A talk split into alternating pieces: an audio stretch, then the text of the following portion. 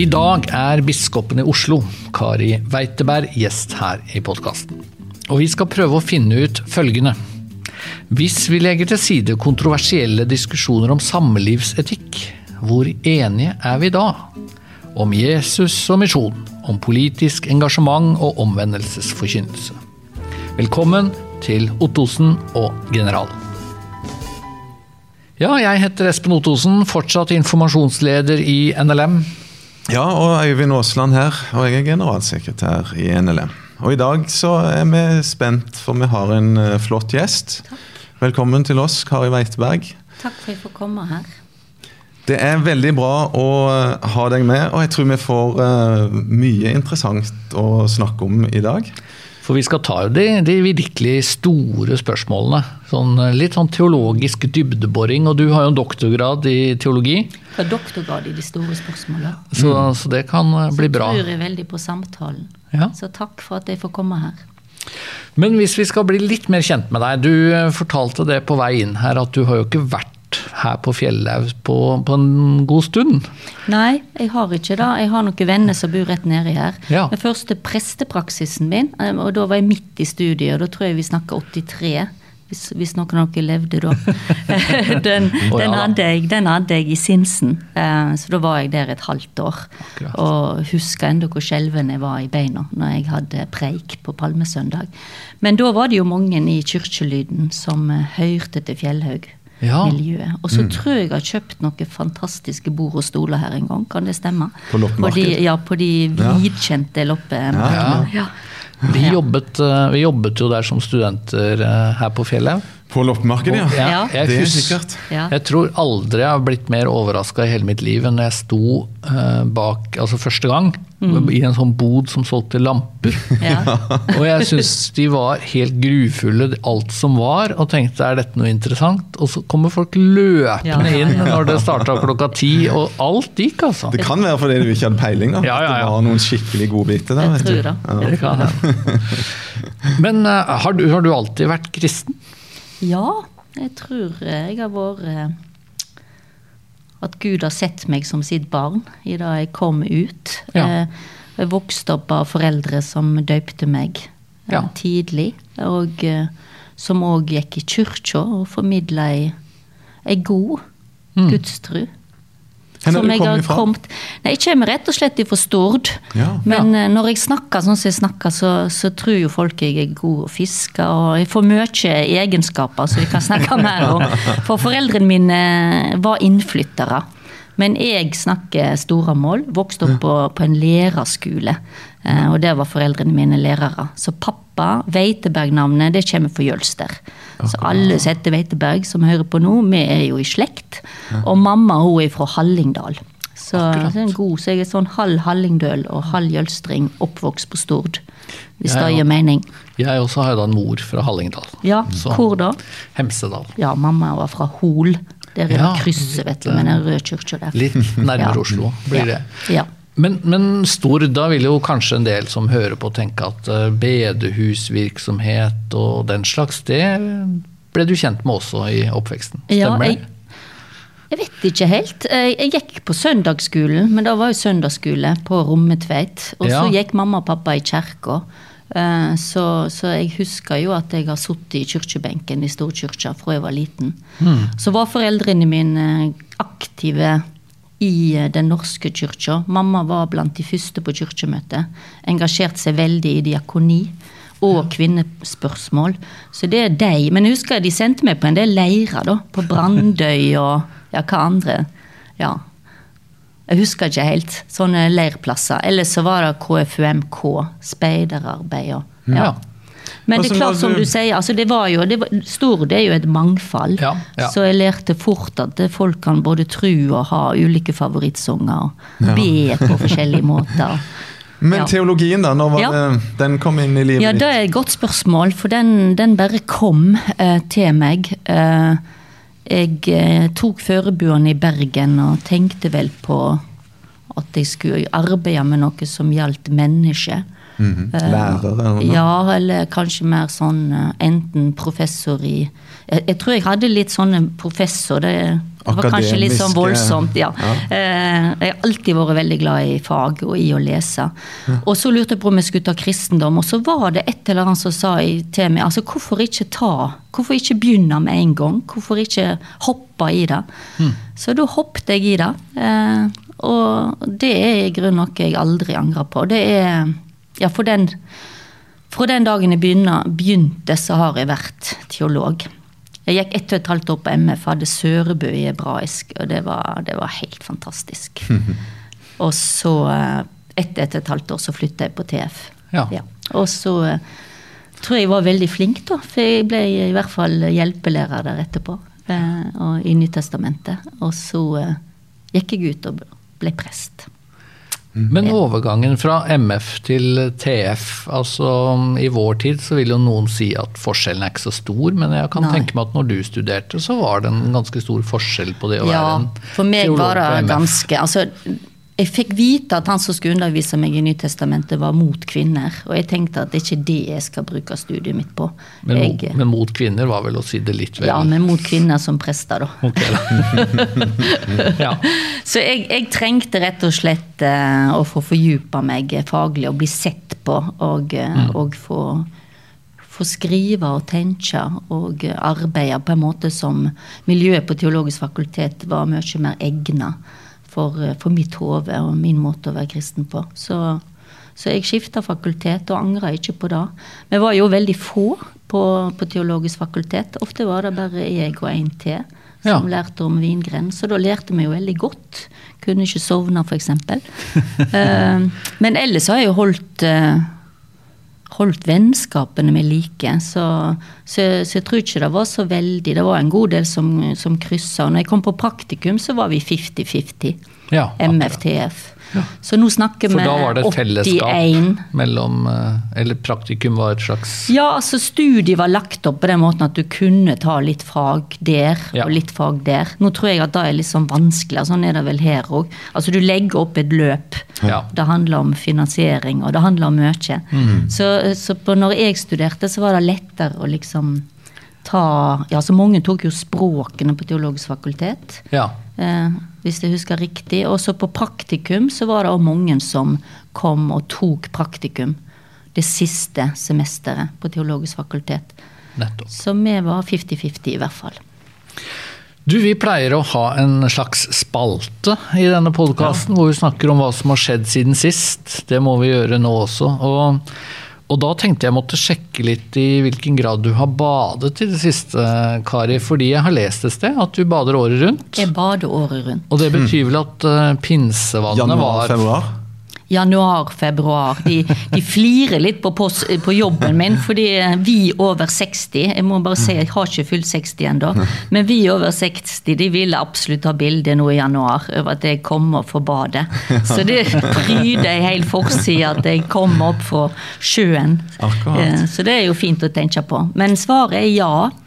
Og, og det er lenge siden det begynte, men det begynte med ei venninne som bodde i Sogndal som eh, har funnet ut at eh, det å starte hver mandag i isbad, da da har du gjort det verste. så den, den ideen likte jeg veldig godt. Så, så det er det å så koble ut og ikke tenke, men hoppe rett uti. Og så eh, må det ikke være så veldig langt en varm dusj etterpå. Og nå er jeg så heldig at jeg bor så kort vei, så jeg går ut og tar det badet hele året. Morgendukker. Av ren sånn vilje. Har du bada, Øyvind, i det siste? Yes, eller ikke nå. Jeg, bada faktisk Vi er jo nettopp eh, lagt bak oss ei fantastisk pinsehelg med nydelig vær, og jeg bada ikke, men 23. april så ja. bada jeg i år. 23. Ja. april. Det synes det er veldig tidlig til å være meg, da. Men da var det kaldt, og så når det er fint vær, da hoppa du over? Ja, det, det ble bare sånn den helga her. Men det var, det var Da sykla jeg en tur ut til Malmøya og var Ja. god og sliten og svett. Og så hoppa jeg i sjøen, og så opp og tørka meg litt og sykla videre. Så det var fint. Så du gjorde som det ble anbefalt her, tenkte ikke noe særlig over dette og bare hoppet uti? Bare hoppe uti. Vasse uti. Det, det nytter ikke. Men jeg hører at sykkelturene dine de er blitt eh, mer slitsomme i det siste. Det stemmer, det. Det er Jeg ler litt av det, da, for jeg vet jo sånn noenlunde hva du skal fortelle. Nei, det, det, det som er skjedd, er at kona mi har fått seg elsykkel. Oh. Eh, og, og det er veldig artig å ut og sykle, syns jeg. Og vi bor oppe på Ensjø. Eh, og når vi da har vært nede i byen og sykla rundt, lang tur, og kommer opp de bakkene der, så er det ganske ydmykende da, når hun bare sitter helt lett og elegant og trør forbi meg som ingenting, og jeg peser og puster og sykler det jeg makter. Men det er vel litt fake? Det er jo det. Men, eh, men jeg unner den sykkelen. da. Det, er- det, er- det Det er trivelig for oss å sykle for det var presang fra deg, så du får uh, Ja, svi tenkte her. jeg skulle ikke melde ifra om det, men Nei. det var det. Ja. Ja. Men Så- du, du, nå er det noen podkaster siden vi har snakka noe særlig om fotball. Altfor lite For det fotball. har jo ikke altså. vært Vi får mulig. tilbakemelding fra øst og vest. Om at det, det Må savnes. ha mer fotball. Ja. Ja. Eh, Blir du noe særlig med på en sånn samtale om at nå starter det snart i England, og det er snart sesongstart? Og... Nei, ja, ja, Brann og Sogndal. Men jeg lytter på dere. Ja. Veldig gode å lytte, så, så kan vi få litt kunnskap. Men hva, hva gleder du deg til, Øyvind? Uh, slutten på Premier League, eller eh, oppstarten i Norge, eller, eller Jeg gleder meg jo mest til slutten av Premier League. Altså. Jeg må innrømme det. Det var jo det var liten Da er vi altså i England, bare for å skyte Ja, inn det. Ja. En liten sånn eh, ekkel del av meg som nesten hadde håpet at, at ikke det skulle bli en eh, skikkelig avslutning av Premier League, sånn at Liverpool ikke kunne kalle seg fullverdige mestere. Ja. Men det er veldig smålig. Det er den, den ekle og smålige delen av meg som tenker sånn. Og mesteparten av meg tenker at det blir strålende fantastisk gøy å få se litt fotball på TV-en igjen. Det er jo mange som går med litt abstinense nå for tida. Du, Da må vi gå til dagens hovedtema, og det handler litt om hvor enige er vi egentlig i de store teologiske spørsmålene. Og jeg møter stadig mennesker som sier noe sånt som at hvis vi bare kunne lagt bort alt det der med samlivsetikk og homofili og den slags, så er jo kristne stort sett enige. Og i hvert fall er vi enige om det viktigste. Um, hva tenker du om det, Så jeg er jo mest opptatt av mammon. fattigdomsproblematikken, det er, det er det som er det aller mest Norsk mest forbrukerkultur. Ja, vi kan snakke mange podkaster om dette, og, og, og hvordan skal vi som ledere, ansvarlige kristenledere, forvalte det ropet som vi hører fra andre deler av verden, men òg den store ulikheten som finnes i byen vår. Og dette er et viktig tema, og her er ikke alle kristne enige. Så jeg er nok ikke så optimistisk som du på Nei. kristenhetens vegne. Jeg tror det er en god del store spørsmål vi må gripe fatt i. Men tror du øh, vi er øh, særlig uenige om øh, viktigheten av å bry seg om de fattige og undertrykte og Jeg den slags? håper ikke det, men jeg skulle virkelig ønske at det var det som du brukte tid på.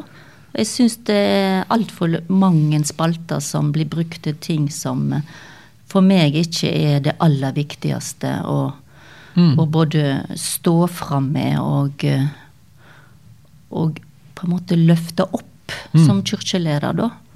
Men da er det jo fristende å hoppe til det vi vil si kanskje er det aller viktigste, Mm. nemlig misjon. Ja. Og jeg- tror nok jeg kan kritiseres for at jeg skriver litt for lite om det også, men øh, det får vi ta i en annen podkast. Men nå skal vi i hvert fall snakke litt om det. Og, og vi tenker jo som organisasjon og med navnet Norsk Luthersk Misjonssamband, Ja. så er jo det vår eksistensberettigelse. Hva, hva tenker du om misjon? Jeg kommer jo sjøl fra en misjonsorganisasjon. Jeg har jo vært tilsatt i Kirkens Bymisjon i Ja. ti år, faktisk. Ja. Og der er, der er kallet vårt sterkt. Det, men det oppdraget ligger ofte rett ut forbi døra, eh, som når vi leser Lasarus med byllene. Eh, og det er, det er noe som driver meg. Eh, så det er ett aspekt. Det er misjon å spre evangeliet, å spre det glade budskap. Både i ord og handling. Eh, det har jeg vært en del av i eh, hvert fall halvparten av mitt yrkesliv som gateprest. Og ellers så, så foregår det i Verdenskirka noe nå som heter Ropet fra Arusha, som er at kanskje kommer det noen folk ifra våre tidligere misjons... Jeg husker når jeg vokste opp, så var det jo Madagaskar og Kamerun Ja, og ja. og, eh, og viktige fortellinger som òg har prega meg. Men nå er det en del fra Madagaskar og Kamerun som sier de har noe lyst å de har noe viktig å formidle til oss. Det, Og men fra Arusha? Det er jo fra Tanzania. Det er fra Tan- Og der Tanzania. Var noen av dere der? Misjon lenge. Jeg har Ja. vært i, i Kenya Ja. Som misjonær i, Ja. i noen år. Ja. Og det er jo noe vi er veldig opptatt av i Ja. Misjonssambandet. Ja. At det er ikke enveistrafikk Nei. lenger, men uh, Ja. vi er absolutt uh, veldig interessert i å motta impulser Ja. Ja. fra sør. Ja. Det globale sør. Ja. Det snakker vi mye om, og hvordan det kan se ut i Ja. praksis. Hvordan gjør dere det? Ja, det er, Vi har kommet altfor kort på det. Vi lager, holder på med en ny strategiplan, og der kommer vi til å prøve å utvikle det uh, mer. Ja. Men uh, det går jo på at vi lytter veldig godt til hva de sier. Altså, vi kan Jesuskirka har jo 11 millioner medlemmer. Og der har jo vi sagt f.eks. i samlivsspørsmål, som du ikke syns er det aller viktigste, og ikke vi heller, for så vidt, men, men viktig nok til at vi mener at det, er fornuftig å lytte til eh, kirka i sør. Hva sier de om de tingene? Jeg har jo noen fantastiske prester som eh, går på veien til prestetjeneste, som, Mhm. og arbeider i menighetene, som kommer for Mekane Jesuskirka. Så takk. Og de holder oss jo fast i en, eh, i en klassisk bibelsk, vil jeg si, da, samlivsetikk, f.eks. Så det har vært viktig for oss å holde fram det, at majoriteten av verdens kristne vil eh, fortsatt eh, holde på en klassisk eh, samlivsetikk. Kanskje vi snakker med litt forskjellige folk? Mhm. Ja, det er mulig, det. Ja. Men det, er- jeg snakker jo med ledelsen i ja, ikke sant? Jeg snakker med grasrota. Jeg snakker med folket. Ja. Folket, Ja, det gjør jeg. Men misjon er jo et begrep som kan bli brukt litt forskjellig. Og i NLM så har jo vi vært opptatt av at, at vi har et særlig ansvar for å nå de minst nådde. Altså de som aldri har hørt det kristne Ja. budskapet. Ja. Hva tenker du om, om, om på en måte å ha det som en hovedprioritet? Ja, det er i grunnen et sånt blikk jeg òg bærer med meg. Og nettopp eh, se at folk er folk, og de som ikke har ei stemme, og de som ikke blir hørt, har jeg et spesielt ansvar for. Både skal få stemma si, og bli sett og hørt.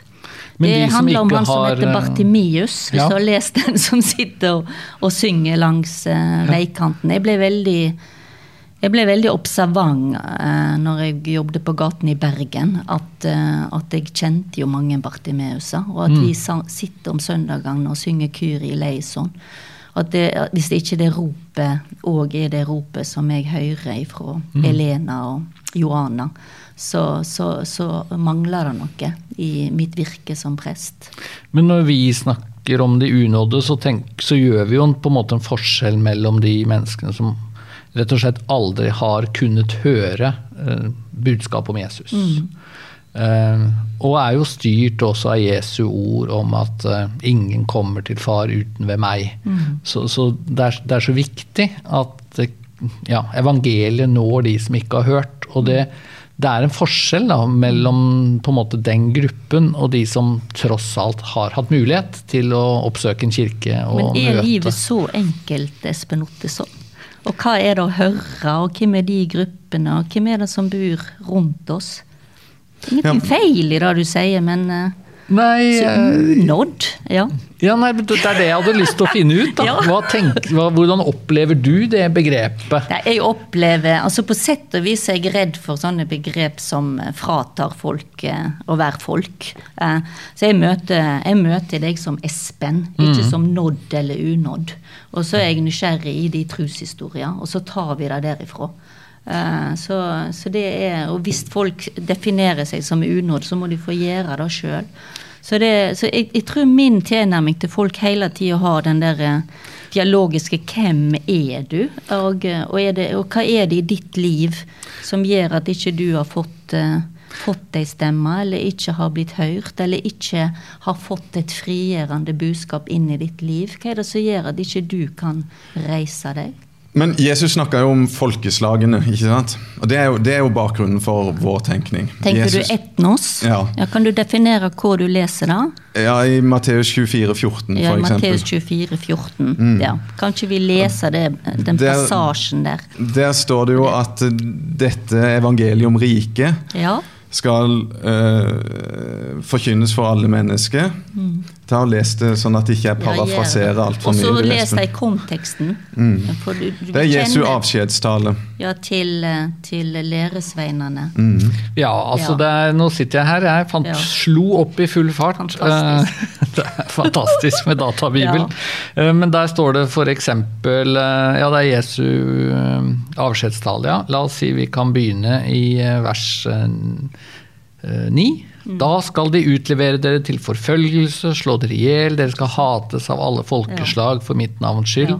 Da skal mange falle fra, de skal angi hverandre og hate hverandre. Mange falske profeter skal stå fram og føre mange vill. Og fordi lovløsheten tar overhånd, skal kjærligheten bli kald hos de fleste. Men den som holder ut til enden, skal bli frelst. Og dette evangeliet om riket skal forkynnes i hele verden til et vitnesbyrd for alle folkeslag.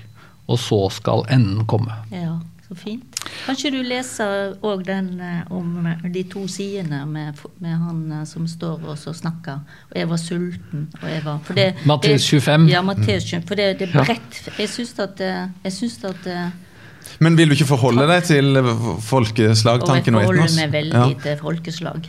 Og det, er jo, det er jo, ligger jo bak vår tenkning at vi vil gjerne ta Jesu ord på alvor om at eh, evangeliet om riket skal forkynnes et vitnesbyrd for alle folkeslag. Og dermed så, så tenker vi at det er fornuftig å finne ut hva slags folkeslag. Altså vi tenker ofte etnolingvistisk. og finne ut hvilke folkegrupper. Men hva er det glade budskapet du da kommer med? Hva er ditt glade budskap til meg? Mitt glade budskap til deg etnos. Ja. Ja, Det er at eh, Gud elsker deg og ga, ga sin sønn eh, i døden for deg. Takk. Tok Mm. på seg din synd og skyld og straff. Eh, det gjorde Jesus. Og det er eneste veien til frelse. Ja. Og da kan jeg få lov til å få ei utdanning av deg, så jeg kan forkynne det videre. Mm. Som kvinne.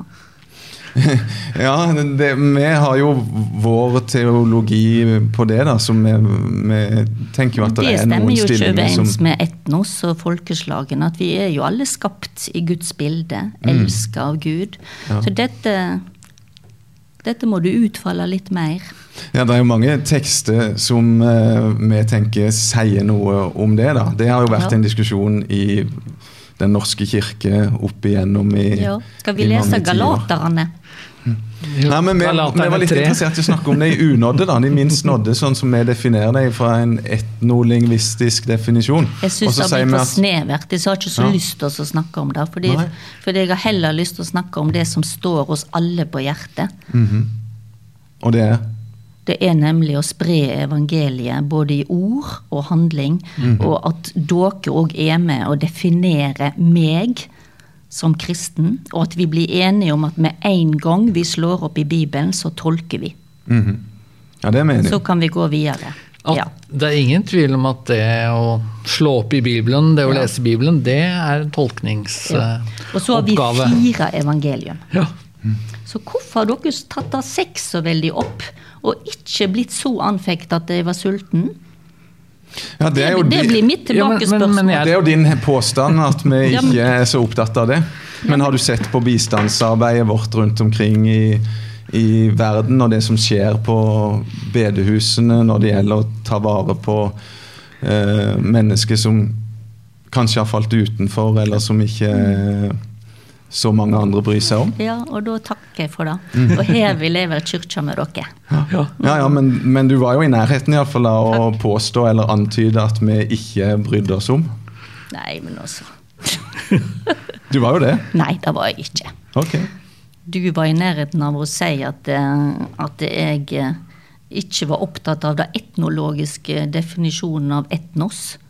Nei, jeg var, eh, Du virker som du ikke vil snakke om folkegrupper som enda ikke har hørt evangeliet forkynt. Jo da, jeg vil gjerne snakke om det. Mhm.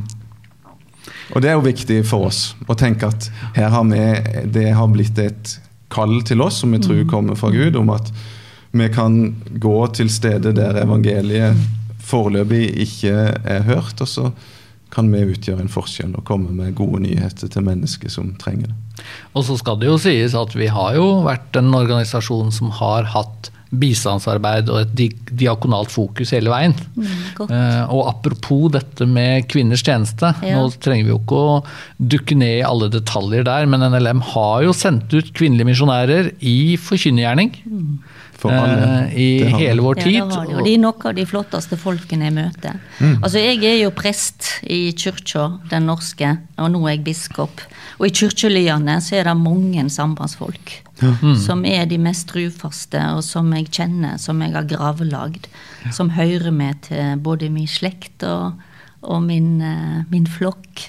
Så, så det er godt. Og det, og det, det, det engasjementet og alt som misjonen har betydd, både i form av de foreningsarbeidet hjemme. Mm. Eh, De basarene som hadde de fineste fruktkurvene når jeg eh, vokste opp, det, det er viktig. ja. Og òg den bekymringen for den, eh, for den nøden. Ja. Sist uh, podkast så snakka Ja. vi om Halvor Nordhaug sin bok. Ja, så da snakker vi også om misjon, for han Ja. har jo skrevet en bok om som jo har tittelen 'Men hva med de andre?' Altså hva skal vi tenke Ja. eh, om mennesker som ikke er kristne? Ja. Og som er tydelige på at de ikke er kristne, fordi de eh, kan være muslimer eller buddhister eller noe helt annet. Kan, skal vi si, skal vi tenke, at um, Jesus og troen på Jesus er eneste vei til frelse? Og han skriver jo at han har begynt å omtale seg selv som inklusivist. Hva tenker du om den, det spørsmålet og den debatten? For det, overlater til Gud. ja. Ja. Men vil du forkynne, hva vil du forkynne? Fordi eh, man kan jo av og til få Johannes 14,6 som prekentekst. Jeg forkynner òg. nåden, og så må jeg si at jeg har hatt besøk av mange som har blitt skremt. Og det er nok med òg å formidle og, og, og prege både mitt gudsbilde og min uh, bekymring. Som sagt så kommer jeg ifra ti år uh, som eh, gateprest. uh, og det, det er én type prestetjeneste òg som gir meg privilegium med å møte en del som ikke finner heim eller ikke finner plass i andre sammenhenger. Og en del har blitt skremt eh, av at kanskje er det ikke rom for meg. Så her som i mange andre spørsmål, og her er jeg trygg og fast og klar, klassisk og bibelsk, så foregår det i samtale med den enkelt. Mm. Hva er det, hvorfor lurer du? Så Espen, hvorfor er du så opptatt av dette? Er det noe i barndommen din som har, som har satt spor? Eller, og hvem er ikke, og hva er det vi snakker om først? Så det å gå inn i denne inn i det feltet vi snakker om nå. Så er en kollega som har skrevet ei bok. Uh, Har du lest den? den ligger på, på skrivebordet, men eh, dette er jo ting som, og tanker som eh, som jeg tror de fleste av oss òg lærte i teologistudiet. Er dere ikke enige? Det er, har dere lest? Er det Espen har lest det. Ja. Jeg har lest den. Ja. Og jeg, jeg, er jo eh, Jeg tenker jo det at um, det er jo en del ting vi skal overlate til Gud. ja, ikke sant? Det, og dommen hører Gud til. Ja. Um, men Eller sier du Gud liten? ellers gjør man Gud liten. Og det er mye vi mennesker ikke vet. Ja.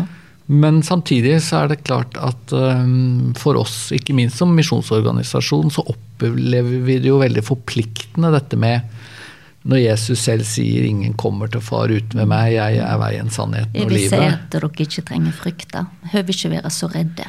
Nei, men vi har jo et ansvar, har vi ikke det? Hvis, hvis Jo, det er riktig at Jesus er eneste vei til frelse, da blir det jo utrolig viktig at de som ikke har fått muligheten til å høre, får i hvert fall muligheten. Jeg tenker at eh, du òg kan være trygg. Og be. Det prøver vi på. Godt.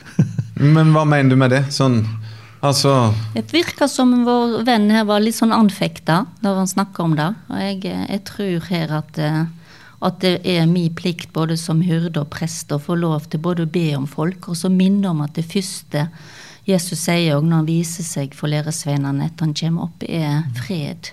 Være med dere. Frykt ikke. Jeg tenker jo av og til på en annen tekst, da. Eh, Når det gjelder akkurat dette alvoret. Ja. For, eh, for jeg tenker, som du antyder, at frykt det er ikke noe bra. Nei. Men har du møtt folk som har frykt?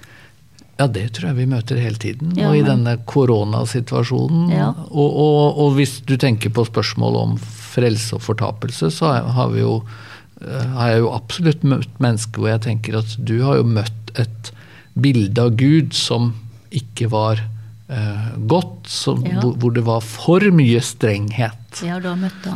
Men, men samtidig så har jeg lagt merke til at Paulus skriver i Filippe-brevet at, at jeg sier med tårer, skriver han. Mange vandrer som fiender av Kristi kors. Og, der ligger det et sånt alvor, da. Altså det, det er Han sier jo alvorlig. 'gled dykk i Herren' alltid. Ja. At sier jeg 'gled dykk'. Så det, og det tror jeg kommer sju vers etter. Ja, For det kommer i Må lese hele brevet. Ja, men det er, det er jo den spenningen som jeg syns er så fascinerende. At i Filippe-brevet, som er gledens brev, Ja. så er det én sorg som Paulus har, og det er de som har vendt på en måte Gud ryggen. Ja. Der kjenner han et voldsomt ansvar. Og det tenker jeg det Og for at de ikke skulle ta imot føde, som han anbefaler. Og en altså han hadde mange sorger, og han, han sleit jo veldig. Altså Galaterbrevet, som ikke nettopp åpner med lovprisning av kirkelyd, men hvem er det som har forkvakla dere? eh, Sant? En, en formaning. Så de, Ja, der er er de jo helt på villveie. Veldig skarp Men tekst. tenker, sånn, tenker ikke du at det er noen klare ord i Bibelen som snakker om to veier og, og eh, evig liv hos eh, Gud i herlighet og fortapelse? Altså Det er jo det jeg tror på. Mhm. Men du vil helst ikke snakke med mennesker om det, eller? Jo, mennesker snakker veldig ofte med meg om det, Mhm. og det er jo Og det Så svaret er ja, men uh, jeg er litt spent når jeg snakker med dere i forhold til Jeg er nysgjerrig på gudsbildet deres når vi snakker om det. Og eh, for av og til så kjenner jeg at når vi snakker om eh, det å overgi en død i Guds hender, og det som handler om bønn, og det som òg handler om, om at, eh, at at jeg går inn i et rom som prest som alltid er større enn meg. Jeg går òg inn i menneskeliv som jeg er nødt til å ha en type audmjuke i forhold til. Mm. jeg, jeg går inn i ei tru og en tradisjon som jeg forstår stykkevis og delt av. Og her er min oppgave som hyrde og prest å, å be for folk, og òg å hvile i at det jeg leser og det jeg forkynner, eh, vet jeg òg kan lande ulikt. Så jeg tilbyr alltid samtale etter jeg har forkynt. Det satser jeg på dere òg gjør. Eh, men det er det, det, er det rommet jeg står i. og Derfor er jeg også opptatt av å holde alle kirkerom i byen her åpne. Fordi jeg tror jeg spesielt i disse tider har vært viktig for folk å både komme med ropene sine inn i, og, og å sitte og be i. Du, jeg tenkte vi skulle gå videre til eh, Nå har vi snakka ganske mye om både tekster og, og misjon på ulikt vis, og snakke litt om Jesus. Ja. Eh, og jeg tror jo at eh, vi antagelig vil si begge, eller alle tre, at Jesus er troens kjerne. Men hvordan vil du på en måte sette mer Altså, ord på det? Jesus er veien for meg. Jeg, eh, altså, vi har jo ennå ikke vært inne på at vi har fire evangelium. Du har bare sitert Matteus, men Jesus sier jo litt ulikt i de ulike evangeliene. Og, og de er altså Matteusevangeliet, som jo er vel skrevet til jødekristne, med disse talene. sant? Ja. Og så har du Markus, som er det eldste, i et ganske sånn grovt eh, koinegresk. Og så har du Lukas, og så har du, så har du Johannes med, med teikner.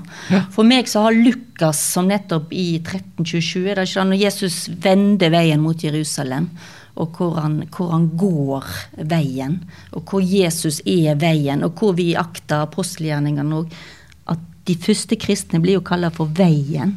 Eh, Så når du spør meg hva Jesus betyr for meg, så er Jesus den, den veien. eh, Og de beinene og de hendene og det mennesket som jeg følger etter. Mm. Og da, eh, da er det utrolig Og det anbefaler jeg alle som hører denne podkasten, til å gjøre. Det er utrolig å følge etter Jesus. Og, og, og se på de møtene Jesus hadde, og hva som skjedde i de møtene. Se på hvem som vil ha folk bort, og hvem da Jesus kaller til seg. Men Mener du det er noe forskjell der, mellom de fire evangeliene? For jeg tenker jo i hvert fall at uh, jeg behandler alle de fire evangeliene jeg, som Ja, en del jeg men... av Guds ord og tydelige ja. ord om hvem Jesus var, og at de utfyller hverandre. De utfyller hverandre. og Det som er spennende òg, er jo altså, Matteus er det ikke han som har oligo eh, altså hvor lite tro dere har. Han er veldig opptatt av oss å peke på. Og det står det ikke i Markus med samme likning. Altså de har, de har noen sånne ulike uttrykk, men altså kvinner som Jesus kaster, de som kaster stein på kvinner, den står jo bare i Johannes f.eks. Og Lukas har òg noen sånne særfortellinger. Men du spurte meg i stad om hva som er viktig for meg for Jesus, og da Ja. er det nettopp eh, den, den, den veien som er så tydelig trer fram. Men jeg kunne godt tatt Markus. Markus 2, når Jesus sier 'Guds rike er nær', Mm. vend om og, og følg meg. Og så følger det Guds rike Ja. framover i evangeliet. sant? Og hva, hva er det? Han sier 'det er ikke der, det er ikke der, men det er midt imellom dere'. Hva er det? Så du forkynner omvendelse til mennesker, du? Ja. At de må omvende seg? Og du vet omvendelse på gresk er metanoia, skift sinn. Så det er det der å ta ut sinnet og få det inn, og la det være et kjøtthjerte inni der. Mm. Ja, metanoia er viktig. Nos, ja, metanoia. Takk. Det gjør jeg. Ja, det er bra. Jeg la merke til når jeg forberedte meg litt, at du har skrevet bok om Jakob Jervel. Bok om Jakob Jervel og to bøker om Bibels kvinner. Ja, Som vi satser på står på Fjellhaug. det kan nok hende. Og, og Jakob Jervel han var jo teologiprofessor og var jo en mann som likte litt å, å provosere. Og så vet jeg jo at veldig mange merket seg at han, han øh, syntes dette med jomfrufødsel. Det var et spørsmål hvor han vel egentlig sa at det kunne vi ikke tro på samme måte som fortidens mennesker. Eh, antagelig var det en Jesus-soldat, nei, en romersk soldat, som var far til Jesus. Det er ikke han sa. Alma var det vel, det ung kvinne, hvordan skal vi tolke det? Mm. Ja. Det var vel der han eh, altså Det som er spennende med Jakob, var jo at han eh, Det med historisk-kritisk lesning, og det har jo tatt lang tid, men nå er jo det stuereint på alle utdanningsinstitusjoner. Eh, Vil jeg tro. eh, Og på NLA. Det, å, det en- NLA, nå sitter jeg på NLM, unnskyld.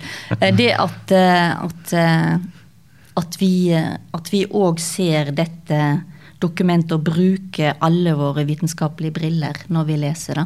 Og der, der ga Jakob oss noen nøkler. Dette ordet blir også brukt i GT sånn, og sånn ser det ut der. Men jeg har skrevet bok om Jakob fordi at han er en av de som banker på skriftene for meg. Ja. Og gjorde det utrolig rasende interessant å være student. For jeg måtte tilbake og høre om romermenigheten tok imot den kollekten som Paulus skulle gi dem. Og den havnebyen i Korint. Og, Jakob. altså, så han ga meg så hva- veldig mye. Så det, jeg syns at når han ble framstilt liksom som en sånn Jakob sier da, og Jakob sier da, Jakob er ikke invitert på det bedehuset og ikke, så er det han som jeg har både bedt med og blitt undervist av. Så fant jeg ut jeg har lyst til å gi han en biografi. Men hva- Stutt biografi. Men hva tenkte du, eller hva tenker du om, om spørsmålet om jomfrufødselen, som, som jo skapte Altså Ja. det skapte jo ganske mye oppstandelse, kan man si, fordi det, man sier jo Nå blir dere sikkert veldig sånn overraska, men jeg, jeg tror jo. Altså, Jeg eh, har ingen problemer med å tro på jomfrufødsel. Eh, da, men det som er interessant, det er jo når det blir eh, snakk om. Ja. Og på hva måte det blir snakk om. mm. så er det jo eh, ofte menn som har vært opptatt av dette her, da. Og eh, så jeg er jo litt opptatt av hva, hva skjedde med kvinner? Hva skjedde med, med Maria? Og det som Jakob har hjulpet meg, er jo også sagt at hun var sannsynligvis tolv år. Det er ikke bare Jakob som har sagt, men altså det er jo innsikt fra den historisk-kritiske. Ung- Og så òg den skandalen som skjer. Altså, for meg er jo Josef den største helten som finnes. At han sa ja. eh, I forhold til den skammen som lå i det at det var ei ung kvinne som var blitt gravid uten og eh, uten å ha ligget med, med, med han som hun senere skulle gifte seg med. Han sa ja, og han tok henne på det eselet og førte henne til Betlehem og stallen. Så, og det syns jeg òg at, eh, at Jakob Jervel og den, hele den historisk-kritiske skolen har hjulpet oss til å se skandalen, da. Altså det derre som ikke er til å tro i, i mange av disse eh, fortellingene rundt Jesus. Og så ble jo da Maria ble Maria, men i historien så ble hun jo en veldig sånn hvit og ren himmel ble jo en sånn hvit og ren himmeldronning. Og så ble Maria for Magdala det første oppståtte vitnet. Hun ble liksom symbolet på det motsatte. Så det har ikke vært så lett for oss kvinner. Forstår dere? Vi har liksom hatt de to å forholde oss til. Så det, så det å både få, få Maria fra Magdala til å, til å få sin egen stemme, og det å se òg på hvordan Maria Jesu mor framtrer i ulike stadier i, i løpet av Skriften i Det nye testamentet. Det, det har vært viktig for meg. Men for meg så er det litt sånn, når du sier den historisk-kritiske metode, Ja. så tenker jeg at eh, jeg har veldig sans for og veldig tro på bibelforskning. Og en Ja. del av det du sier nå, f.eks. det at Maria var, en, var antagelig kanskje ja, 12-13 Ja. år. Ja. Eh, Jeg har aldri tenkt at det egentlig er en del av den historisk-kritiske metode, at man har funnet ut det, men at det rett og slett handler om kunnskap om situasjonen på Jesu tid. Da har du tenkt feil. Nei, men er det ikke situasjon, er det ikke rett Nei, og for slett handler om kulturkunnskap? nei, dette, ja, dette er, Kulturkunnskap er jo en del av den vitenskapen. Altså, når, Du kan si at når vi begynte å studere skriftene vitenskapelig, da. Ja. Ja. For, men, men det som jo har, det det som jo har gjort uh, historisk-kritisk metode, eller hva man kaller det, litt kontroversielt, det er jo at eh, noen vil jo si, og jeg mener de har et godt poeng, at, at man da står i fare for at man ikke behandler tekstene som Guds ord, fordi man hele tiden leter etter spenninger og motsetninger, og så kan man da eh, bli frista til å kanskje velge Mm. ut av de tekstene man tenker at dette her kan jeg tro, og så kan man si at, eh, at disse For meg er det akkurat motsatt. Eh, og, og det er til mer kunnskap jeg får, til rikere blir min tru. Mm. og så har jeg en forplikt jeg har, jeg har et ansvar som leser. Og det er det hvordan forkynner jeg dette i dag? Og hvordan skal jeg forkynne sant? Og hvordan skal jeg la hele materialet utfolde seg? Og jeg oppdaga jo når jeg, las, når jeg skrev bøkene om kvinnen i Bibelen, Hvorfor har ikke jeg hørt om Deborah? Hvor, hvorfor har ikke jeg hørt om Jeftas datter? Og, og, og, hva, med, og hva med Tamar? Den voldtatte kvinna. Det er klart Jeg kunne godt hatt sånn 'Dette er farlig for de helsa, Kari'. Her leser du om ei kvinne som ble brutalt eh, voldtatt av sin bror. Samtidig så er det viktig for meg å vite at dette fins. Dette står i min hellige skrift, og det skal aldri skje igjen. Punktum. Det samme med slaver. Ja. Vi har en lang historie om slaver og kyrkja. Det står, og, og det var vanlig i Paulus' i tid, men dette gir vi, vi forholder oss ikke til folk lenger på den måten. Nei, og jeg Og det betyr teksten- ikke å ikke ta teksten på alvor. Det er det som er så utrolig viktig. Ja, og jeg tenker jo at uh, Galaterbrevet 3, og her er ikke trell eller fri, Ikke sant? har jo hatt uh, kjempebetydning Ja, for synet på, Ja. på slaveri. Så Ja. det kan man jo Og på kvinner. Ja, og på kvinner. Ja. Ja. Men det er jo, jeg tror grunnen til at, at vi hadde lyst til å høre litt med om ditt eh, Hva du tenker om jomfrufødsel og Ja. det arven etter jerven. Det, det er jo Sånn som jeg forstår det, for så er jo mye av den arven etter den historisk-kritiske metode eh, at eh, det er en tendens til å så luke bort det som kan minne om noe overnaturlig. og der det meste rasjonaliseres, og hvis ikke det kan forklares nettopp etter en vitenskapelig og gjerne naturvitenskapelig Her må måte, så, to så tar vi ut. her må en ha to tanker i hodet. Ja. Eh, Jeg tror at dere alle elsker noen. Mm.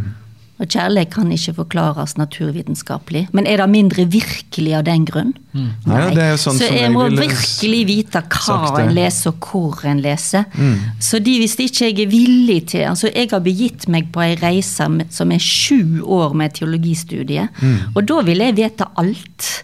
Og jeg, jeg, hver dag har jeg lyst til å holde meg oppdatert oppdatert på mitt fag, som jeg syns er et spennende fag. Stadig utvikling. Når jeg begynte å lese, så kom det jo inn tekster fra kvinner som las tekstene, som nettopp oppdaga det jeg las. Og så etter hvert så kom det ja, men hvor har barnene blitt? Hvor er barn, og hva med barns blikk? Og det kom fram at den fleste bøkene jeg las, var skrevet av hvite tyske menn ved et lesebord. Og det har prega meg.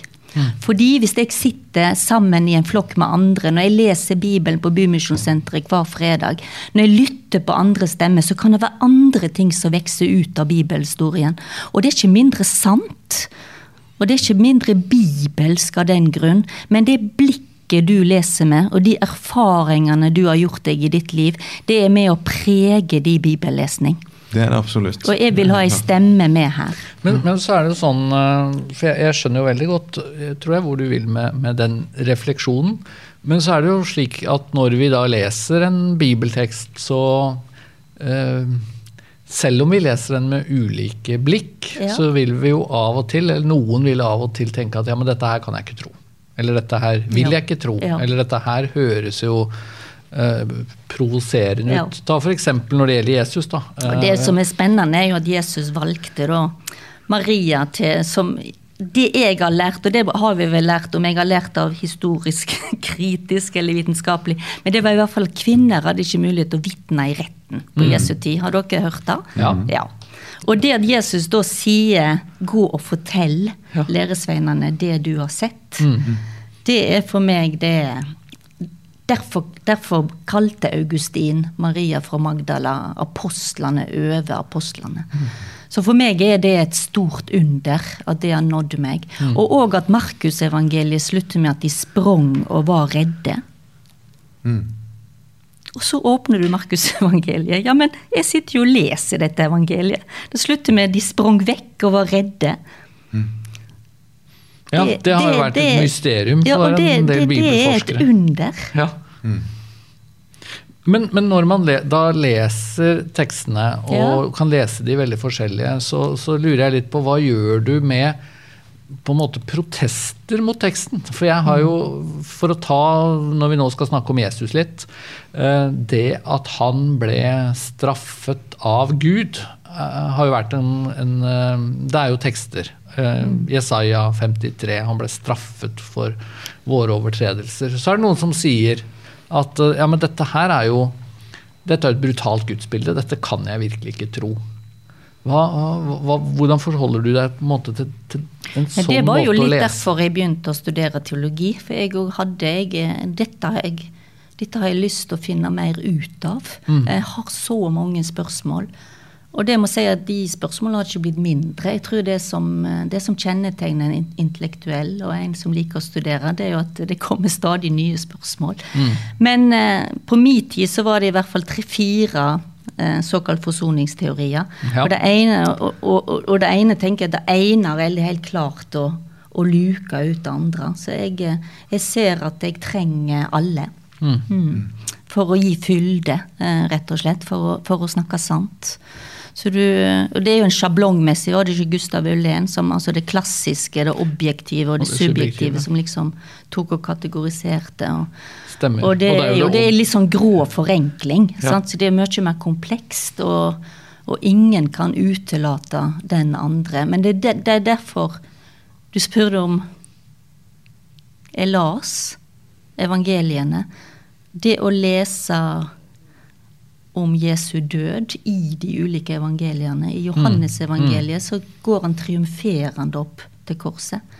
I, I Markus så bare roper han ut Min Gud, min Gud, hvorfor har du forlatt meg? Og der, der ser jeg spennet, og jeg er nødt til å ha begge. Jeg er utrolig glad for via har fire evangelium. Det tror jeg vi kan være enige om. Jeg tenker i hvert fall at de utfyller hverandre, og, og også viser at eh, det å forkynne Jesus f.eks. til eh, jødekristne, da blir det annerledes enn hvis man forkynner Ja. primært til Og så er jeg veldig glad vi har tekstrekker i kirka vår, hvor vi nettopp blir tvunget til å gå gjennom et kirkeår. Og til å, til, å, til å ikke bare trekke noen sånn lapp. Du har jo vist deg som en veldig samfunnsengasjert Ja. biskop, og det har du vist allerede i denne samtalen. Du har snakka mye om Mm. Ja. både kvinnekamp og kampen for de fattige, de som ikke har noen stemme. Men da blir det litt sånn fristende å spørre hvordan snakker du om disse spørsmålene sammenlignet med en politiker? For det er jo mange Mm. som mener at mm. dagens biskoper de eh, fremstår som eh, SV-ere. Ja. Du si til men hvorfor kaller du det for kvinnekamp? Altså For meg så er jo dette tru og bibelsk. Jeg har ikke putta kamp bak. Altså Jeg er kar. Jeg tror når du snakker, så er det, er det en mannskamp, da.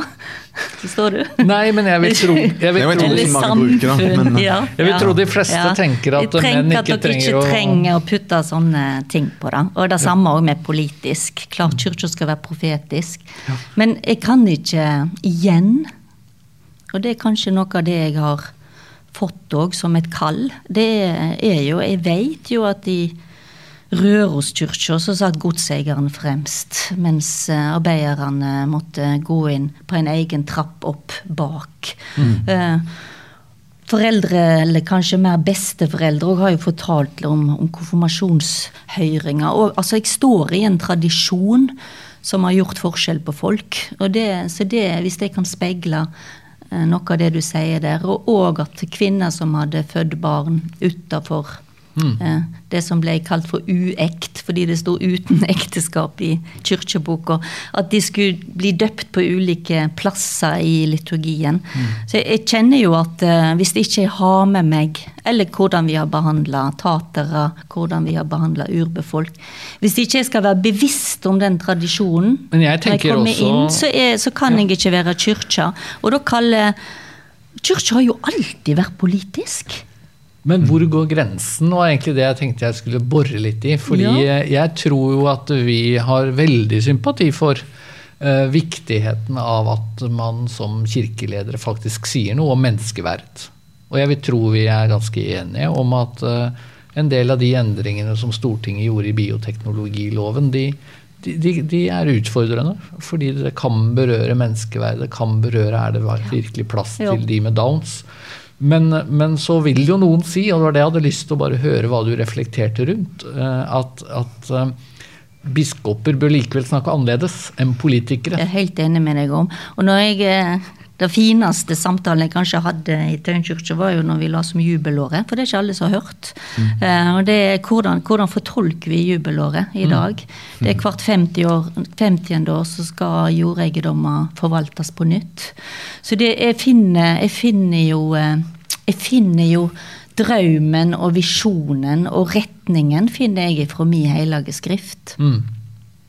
Men jeg tenker på likevel, da, hvis vi skal fortsette på det politiske, f.eks. i miljøsaker, er, er du, tenker du at det er din oppgave som biskop å si noe om hvor, eh, hvor det kan letes etter olje, f.eks. Den her iskanten, hvor skal den grensa der trekkes og sånn? Vil du gå så inn i detaljen, Jeg tror jo at uh, Verdenskirka og samla har sett at der har vi et kall. Og igjen nå, kanskje fordi vi har tolka første Bibelen, eller brukt første Bibelen, første arket i Bibelen ganske feil. Altså, og det har jeg veldig lyst til å snakke med dere om.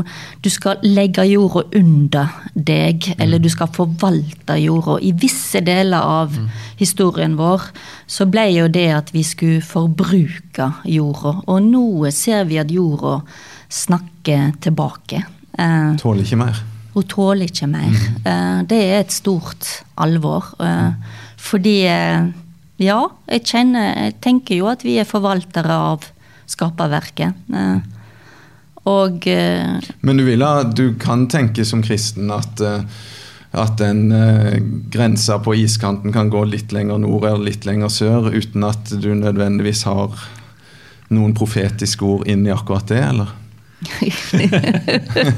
Ja, et ledende spørsmål. jeg er veldig ledende. Altså, jeg er jo biskop i Oslo, Asker og Bærum. Døvekirken og Feltprestkorpset. Eh, nå er jeg mest opptatt av eh, korridor for humler i byen vår, og at fuglene som jeg hører på mine nærturer, eh, at det er fugler jeg fremdeles skal høre. Og dette kan jo kanskje hørerne og dere òg synes det er litt rart, men jeg har òg vært med og som biskop og, og liksom på sånne arrangement som, eh, som handler om at nå er fjorden, nå kan du bade. I, rundt der jeg bor. Mm. Og det, det, tenker jeg at det er viktig at jeg som kirkeleder viser at uh, dette, er, dette handler òg om forvaltningsansvaret vårt. Dette mm. handler om skaperverket. Mm. Så ja.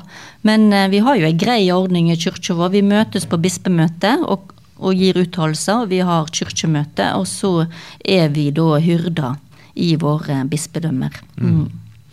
Du, helt, Nå begynner vi å nærme oss slutten, gjør vi ikke det, Espen? Jeg tenkte bare sånn Du nevnte at du ser mye misjonssambandsfolk og bedehusfolk i menigheten der du har vært opp igjennom og sånn. Ja, jeg tror det. Det er jo, det er jo mange, mange, av de som, som, føler ganske stor sorg over en del av utviklinga i kirka. F.eks.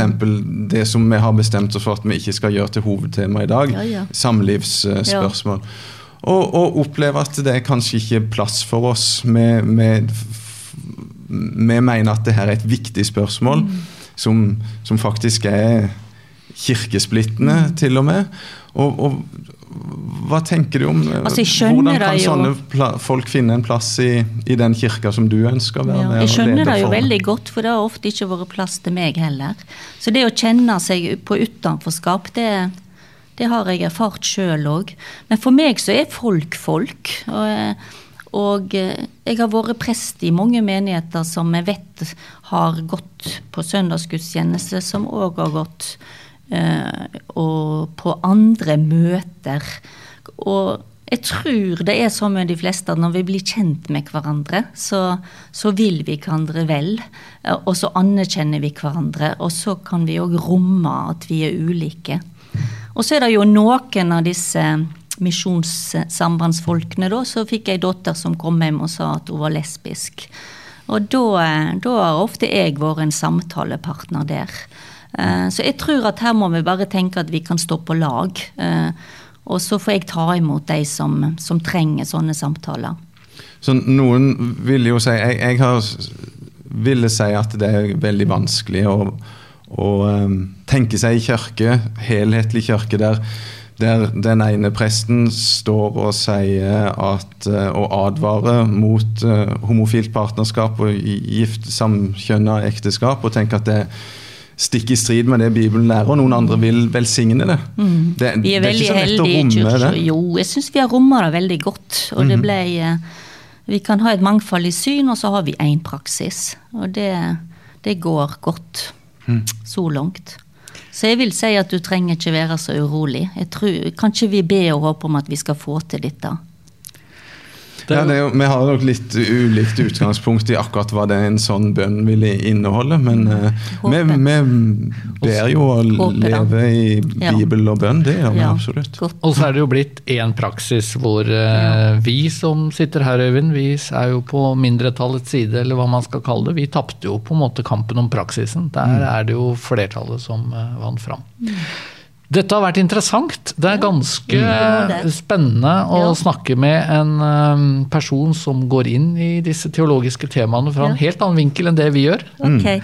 Men tusen takk for at du ville være med. Vi tusen takk for samtalen. Takk for at jeg fikk komme.